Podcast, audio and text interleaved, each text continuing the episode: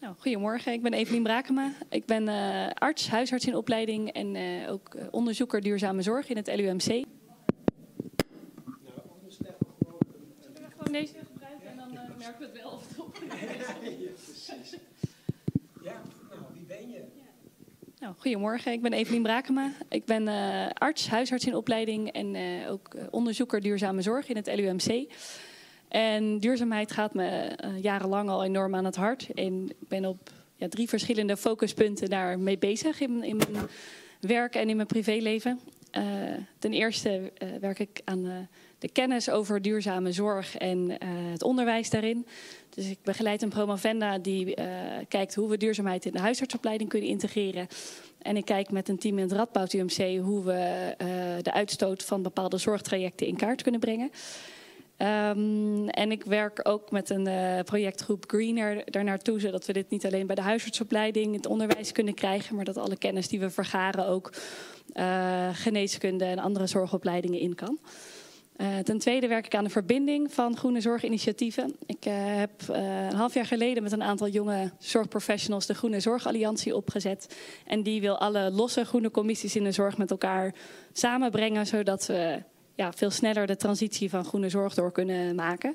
Van elkaar kunnen leren en ook een, een, krachtige stem kunnen uitbrengen wanneer dat nodig is naar bijvoorbeeld de overheid of de politiek. En uh, ten derde probeer ik duurzaamheid waar dat nuttig is hoger op de agenda te krijgen.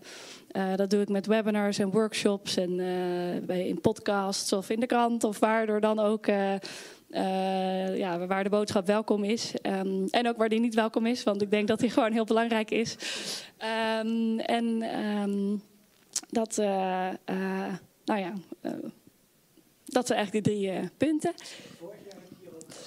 Ja, precies. En dat is eigenlijk de, de brug nu naar die sessie. Want inderdaad, dat is een goede om hierbij te vertellen. We hebben met een aantal jonge zorgverleners, en dat zijn ook apothekers en artsen en uh, technisch geneeskundigen, hebben een uh, statement gemaakt uh, in de Green Paper. En de Green Paper is nou, een white paper, maar met een groene visie. En daarbij hebben we opgeroepen om in de zorg urgent bindende afspraken te maken. Die moeten leiden tot ja, voldoende CO2-reductie en ook circulariteit in de zorg. Um, nou, dat, daar hebben we eigenlijk iedereen mee aangesproken. Dus de overheid, uh, politiek, uh, verzekeraars, uh, onderwijzers, artsen, patiënten. Dus gewoon iedereen heeft een rol. En nou ja, dat, dat is denk ik een, een mooi startpunt geweest voor veel gesprekken. En de vraag was nu eigenlijk, ja, wat is er met die oproep gebeurd? We zijn nu een jaar later. Hoe staat de zorg er nu voor? Goedemorgen, welkom. Kom binnen. Um, dus dat is, ja...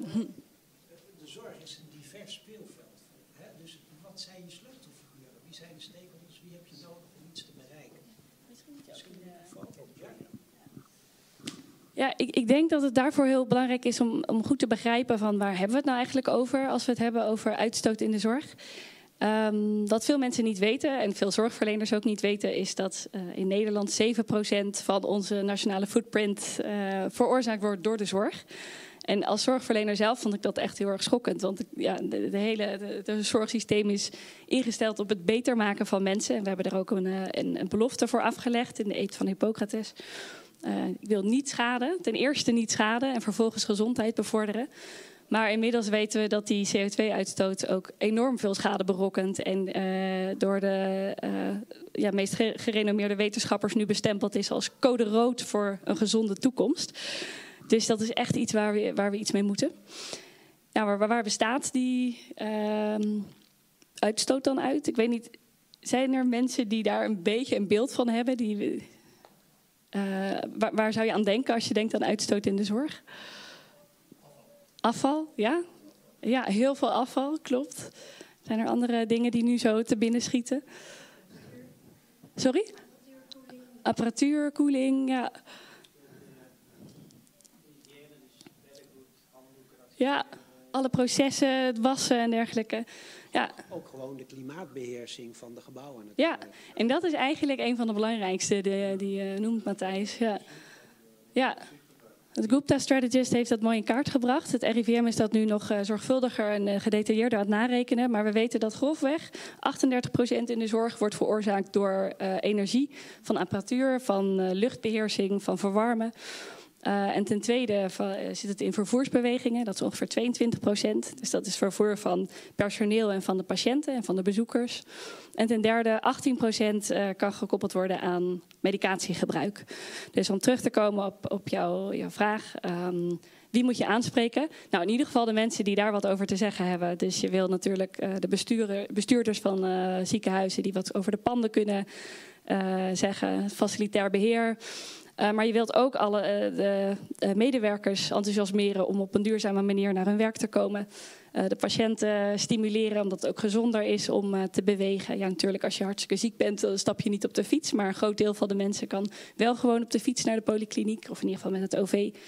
En dat medicijngebruik, dat is iets waar ook de hele keten een belangrijke rol in heeft. En ik denk zeker uh, als, als nou, mijn eigen rol bijvoorbeeld als arts, um, dat het heel belangrijk is om echt doelmatig voor te schrijven en ervoor te zorgen dat wat ik voorschrijf ook echt nodig is en goed gebruikt wordt. Uh, en als het niet meer nodig is, dat mensen het niet uh, door de wc spoelen, maar omdat het dan natuurlijk direct in ons oppervlaktewater weer terechtkomt. Maar dat we manieren bedenken om dat op een zorgvuldige manier weer af te voeren. Dus, ja. En um, ja, twee dingen. Ik, wat, wat had je voor ogen, of wat hadden jullie als jonge alliantie voor ogen en hoe ver ben je?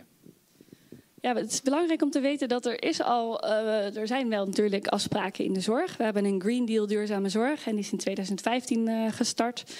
En uh, dat is denk ik een heel mooi startpunt geweest om afspraken te maken. Er zijn vier verschillende belangrijke pijlers. En een van die pijlers hebben we het dan vandaag over. 49% CO2-reductie in 2030. Um, ik denk dat dat een belangrijk startpunt geweest is, omdat uh, nou die, die Green Deal is vrij, vrijblijvend en ook eigenlijk vrijwillig of je eraan meedoet. Maar als dat in 2015 verplicht was geweest, dan was dat denk ik uh, ja, te moeilijk geweest om te implementeren. Maar inmiddels zijn we zes jaar verder en dan denk je, ja, wacht even. Uh, de urgentie is nu zo groot en er is ook zoveel meer kennis en bewustzijn dat het een probleem is. Dat we moeten nu echt wel door naar de volgende stap. Dus ik zou heel graag willen van de politiek en uh, vanuit de overheid dat er nu echt een stevige vuist wordt gemaakt en wordt gezegd. Nou, heel leuk, maar die Green Deal, iedereen doet daaraan mee. Het is niet zo dat uh, ja, als je het leuk vindt en je wil een goede naam als, als instelling, sluit ik me daarbij aan. Dit is gewoon een afspraak die voor iedereen geldt in de zorg. Tot in hoeverre is die Green Deal dan ook omarmd door de sector? Wel steeds meer. Dus inmiddels, uh, ook afgelopen jaar, hebben we weer tientallen instellingen dat uh, uh, onderschreven. En ik geloof ook echt wel dat er de intentie is om het te doen. Maar je moet natuurlijk wel voorstellen, de zorg, we hebben een COVID-pandemie. Er zijn zoveel prioriteiten. Als je dat niet vrij, ja, als je dat niet bindend maakt, dan is het al heel erg moeilijk voor een bestuur om uh, de middelen vrij te maken en de tijd vrij te maken om uh, aan zo'n uh, klimaatcrisis te denken. Want die is natuurlijk veel verder weg, zoals we net ook van de gedragswetenschapper hoorden. Dat is morgen kunnen we dat doen. Oh ja, en COVID moet misschien vandaag. Dus die discrepantie, ja, je hoopt dat, dat er meer urgentiegevoel komt. En daardoor dat we vandaag ook met het klimaat bezig gaan. Wat gebeurt er al vandaag? Want ik hoor een beetje toekomstmuziek, hè? maar wat ja. gaat er al goed? Nou, er zijn een paar denk ik hele mooie voorbeelden. Je hebt bijvoorbeeld uh, het Brave ziekenhuis. Uh, die zijn begonnen met het afvangen van narcosegassen. Uh, dat is echt een enorm sterk broeikasgas. Dus dat um, uh, ja, komt nu nog bij allerlei operaties gewoon uh, de atmosfeer in. En zij vangen dat af en hebben berekend dat ze per jaar als ziekenhuis 220.000 kilo CO2-equivalenten kunnen besparen. Nou ja, kan je je voorstellen wat er gebeurt als we dat uitrollen over de, de hele sector en dat dat gewoon de standaard wordt. Dan hebben we al heel erg veel winst. Zijn jullie daar ook mee bezig om dat soort goede voorbeelden op te halen en dat bij anderen onder de aandacht te brengen? Ja, en dat is een van de doelen ook met die Groene Zorgalliantie. Dat is wel heel mooi. Het bestaat uit allerlei losse commissies. Met groene huisartsen, groene IC-artsen. Uh, een um, commissie die heet Zorg voor Klimaat of de Klimaatdokter. Studentencommissies zoals de CO2-assistent. Um, die uh, uh, wisselen voortdurend dit soort kennis en ervaring ook met elkaar uit. En het leuke is dat we tegen heel veel verschillende... Ja, we zitten in verschillende hoeken van de zorg... maar we lopen wel tegen dezelfde problemen aan. Dus dan worden er ook tips uitgewisseld als... hé, hey, we hebben hier een heel goed voorbeeld. Eerder uh, hebben we het zo geprobeerd... maar toen we eenmaal zo en zo die, die persoon binnen onze... Uh, vakgroep um, uh, aan boord hadden, werkt het veel sneller. En, en dat soort tips en tricks wisselen we dan uit. En dat, um, ja, je merkt wel dat daar dan een versnelling zit en dat goede voorbeelden ook sneller de praktijk weer bereiken. En is dat makkelijk te vinden, die voorbeelden? Of hebben jullie een platform, een website? waar kan de zorg terecht? Ja, het hangt er heel vanaf natuurlijk welke kant van de zorg. Uh, je hebt Milieuplatform voor de zorgsector. En zij zijn echt voor, voor die uh, nummer één uitstoot ja, heel, heel faciliterend. Omdat ze helpen met Stichting Stimulaar is dat ook. In kaart brengen van routes naar um, die afspraken van 49% in 2030. Helaas zitten we nog met de zorg nog niet op die 55, maar dat komt vast ook snel. En vervolgens naar 2050. Uh, hoe komen we dan uh, ja, bij, de, bij de beoogde doelen? Um, dus voor mensen die meer facilitair en energie en gebouwen, die kunnen daar echt terecht. Ik heb het idee dat de Groene Zorgalliantie vooral voorziet in mensen uit de praktijk. Dus dat zijn apothekers en zorgverleners en uh, groene laboranten. Dus dat is meer echt met de, de, mensen die met de voeten in de, in de klei staan. Maar wie weet, we zijn heel hard aan het groeien, dus wie weet breiden we er ook snel in uit ja, wat mij betreft zou er ook vanuit de overheid, en daar, daar wordt aan gewerkt, maar dat mag wel wat sneller, denk ik, nog een heel groot faciliterend platform kunnen zijn waarbij je dus alles samenbrengt en waarbij het ook veel makkelijker te vinden is wie wat doet, wat goede voorbeelden zijn. Ja. Vraag me af, die, die financiering. Je, uh, is het zo dat als, als een ziekenhuis zeg maar klimaat, dus zeg maar energiebesparingen en, en kosten bespaart, of dat dan ten goede komt van het ziekenhuis. Want vaak gaat dat dan naar de, naar de, de verzekeraars. Dus hoe, hoe is de relatie tussen actie en winst voor het ziekenhuis? Is dat goed geregeld? Nou, ik denk dat, dat u daar echt een ontzettend belangrijk punt noemt. Als je kijkt naar nou, die nummer één uitstoot, energie. Uh, ziekenhuizen worden helemaal niet geprikkeld om ehm, duurzaam in te kopen. Want het is een groot verbruiker, dus zij krijgen enorme kortingen. en um, ja, dat, dat stimuleert natuurlijk niet om dan heel hard te investeren. Ziekenhuizen hebben ook al heel weinig marge om die investeringen te maken. En dat was ook een van de punten waar we voor pleiten met de Green Paper. Dat die regelgeving en die financiering, uh, daar is nog zoveel te halen. Dat is wel echt een enorme kans. En het grappige is ook dat als daar betere regelgeving en financiering voor zou komen, dat het enorm kosteneffectief is. Er zijn zoveel verloren levensjaren uh, en kosten gemaakt door gezondheid, echt direct gerelateerd aan, aan klimaatverandering. Dat ik denk, nou ja, dat, dat zou, zou zo'n mooie kans zijn als we daar op konden doorpakken. Dat zou zeg maar, het ministerie, die verantwoordelijk is voor de, de, zorg, zou dat moeten doen. Want ik, ik, ik noem dit omdat bij scholen, scholen die dan zonnepanelen op het dak zitten, dat komt dan niet ten, kost, ten, ten voordele van de, van de school, maar dat gaat naar iemand. Dus dat, dat moet gewoon, het ministeries moet ja. gewoon daar een, grote stap zetten. Ja, echt uh, helemaal mee eens. En uh, ik ben ook wel benieuwd hoe andere sectoren dat doen en dat goed uh, geagendeerd krijgen. Want ja, wij zetten dat in een green paper en we roepen het links en rechts. Maar ja, tegen de tijd dat dat land en, en ook verandering teweeg brengt, alweer jaren verder. En zoveel tijd hebben we niet. Ja. ja. Die is van economische zaken en klimaat. En ik denk dat we VWS nodig hebben. Ja, allemaal denk ik. En dat, dat denk ik dat het ook nog wel een mooie kans is. Dat, ja, de, de klimaatcrisis is echt een gezondheidscrisis. Er is niks in gezondheid uh, wat niet geraakt wordt door klimaatverandering. Uh, dus VWS zou wat mij betreft er ook nog veel meer uh, de case voor kunnen maken. Ook bij andere ministeries. Dus ook bij onderwijs en ook bij infrastructuur. En ook bij economische zaken. Want dit, dit is echt onze prioriteit. Want dat was mijn tweede vraag, uh, nog voor uw vraag, was, je had het over de overheid. Ja. En maar dan denk ik van ja, dat is net zo'n breed begrip als de zorg.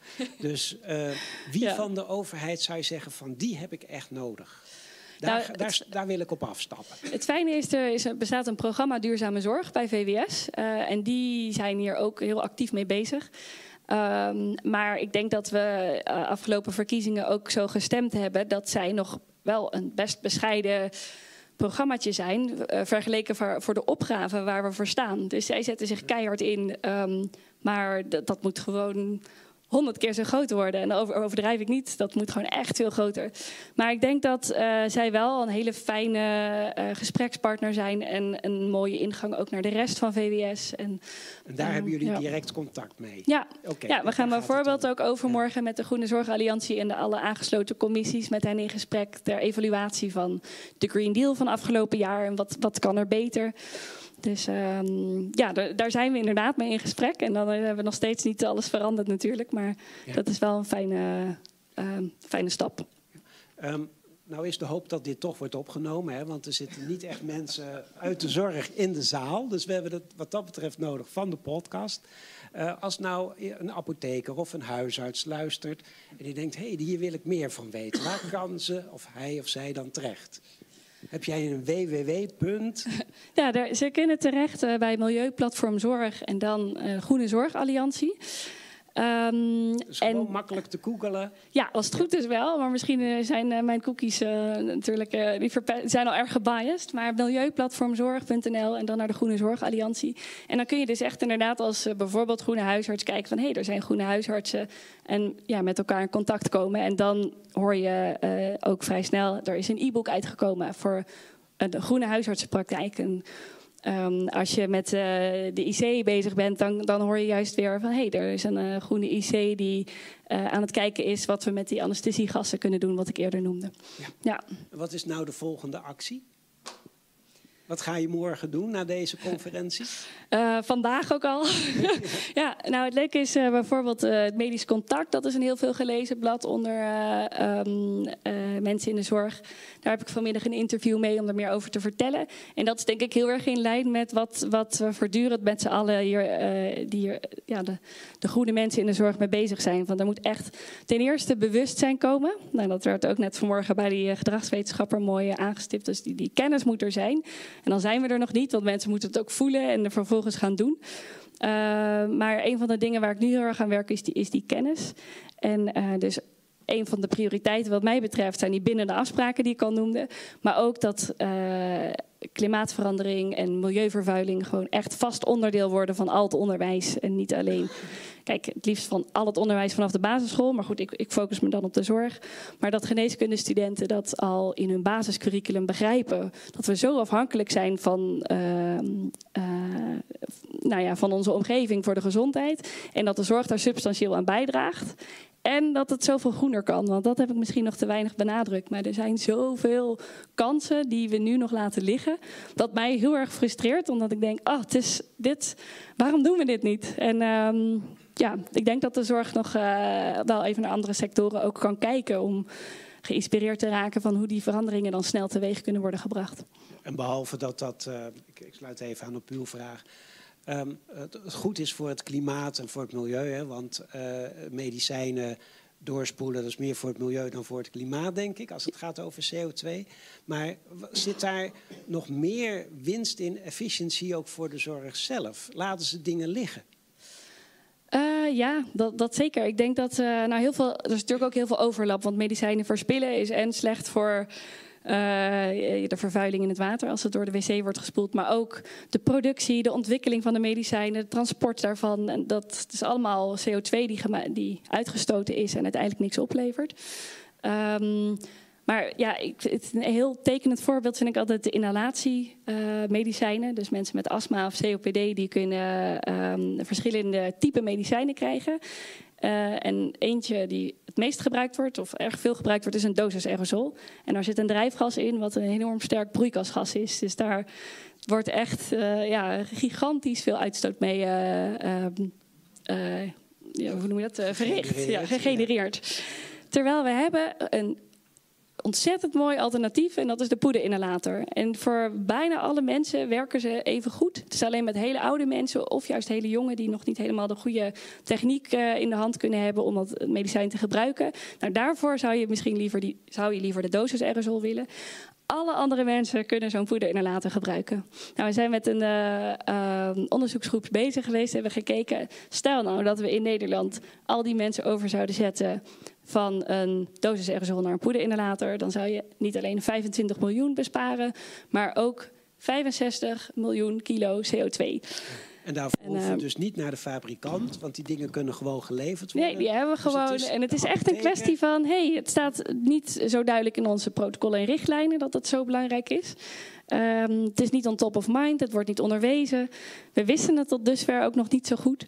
Dus dat is echt iets wat we enorm laten liggen, denk ik. Van wow, er zijn twee eh, opties. Ze zijn even effectief, eh, kosten evenveel. Waarom gebruiken we eigenlijk nog die dosis aerosol? Ja, Ja, een goede vraag. Aan de huisarts en de apothekers. Waarom doen we het nog niet? Ja, ik kijk eerst even naar mevrouw. Ja, ik heb twee vragen. Komt er vanuit de vanuit Europa iets? Bijvoorbeeld dat je het EBS of medicijn of dat er een afdruk op staat, net zoals voor de consumenten in de supermarkt straks kan zien hoeveel suiker zit erin. Of, ehm, want dat zou ik kan me voorstellen. Ja. Nou, ik, ik weet niet of daar concrete plannen voor zijn om, om die te maken. Dat, ehm, als ze in de maak zijn, dan weet ik er niet van.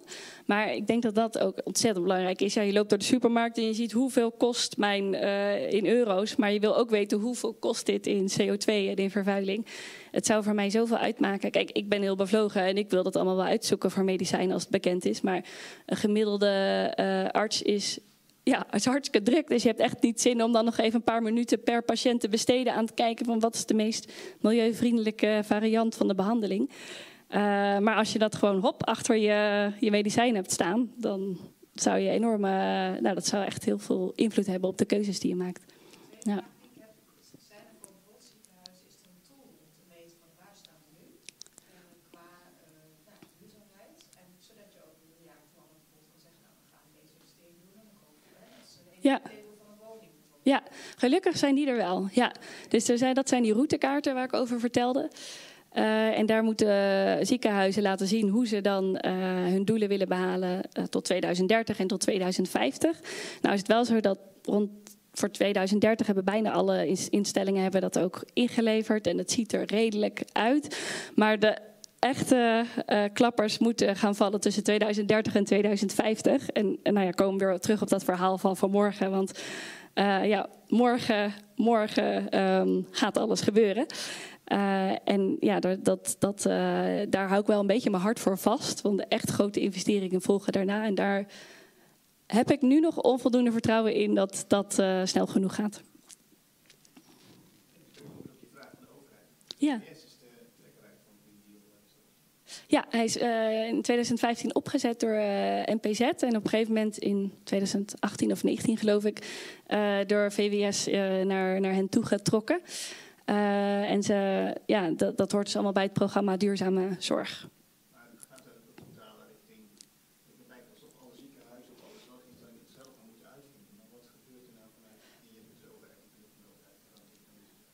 Maar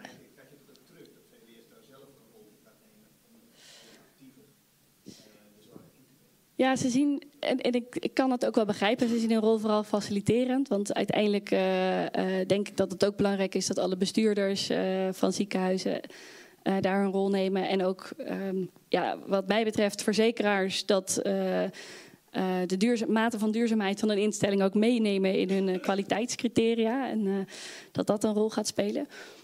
VWS. ehm, ja, ik denk dat ze tot nu toe gewoon onvoldoende eh, equipped zijn om het adequaat te kunnen doen. Want het- team wat er is, dat werkt gigantisch hard en dat doet het fantastisch. Maar we staan voor een enorme opgave. En eh, ja, ik denk dat dit regeerakkoord en eh, ja, die moeten gewoon zorgen. In dit re- regeerakkoord moeten gewoon ervoor zorgen dat ze voldoende tijd en eh, faciliterende middelen, budget beschikbaar kunnen stellen. Dat mensen de juiste investeringen kunnen maken. En uh, jij, u zegt, u bent van de overheid. Als u daar suggesties voor heeft van hoe we, hoe we daar beter in kunnen samenwerken, dan uh, hoor ik, ja, nou heel graag. Zoek elkaar dan straks nog even ja. Nee, nee, absoluut niet. Nee, ik denk dat die dus echt veel te bescheiden nog is. En nik- niks te, ten nadele van de mensen die daar wel keihard aan werken binnen VWS. Maar als. Kijk, klimaatverandering is code rood voor de mensheid. En het gaat zoveel geld kosten, zoveel levensjaren kosten. als we daar niet adequaat op naar handelen. Dus eigenlijk zou heel VWS moeten zijn ingericht op klimaatverandering. Maar uh, ja, precies. ja. Maar uh, Evelien, ik kijk ook uh, zo stiekem op de klok. Ja. Dus ik wil je tot zover bedanken.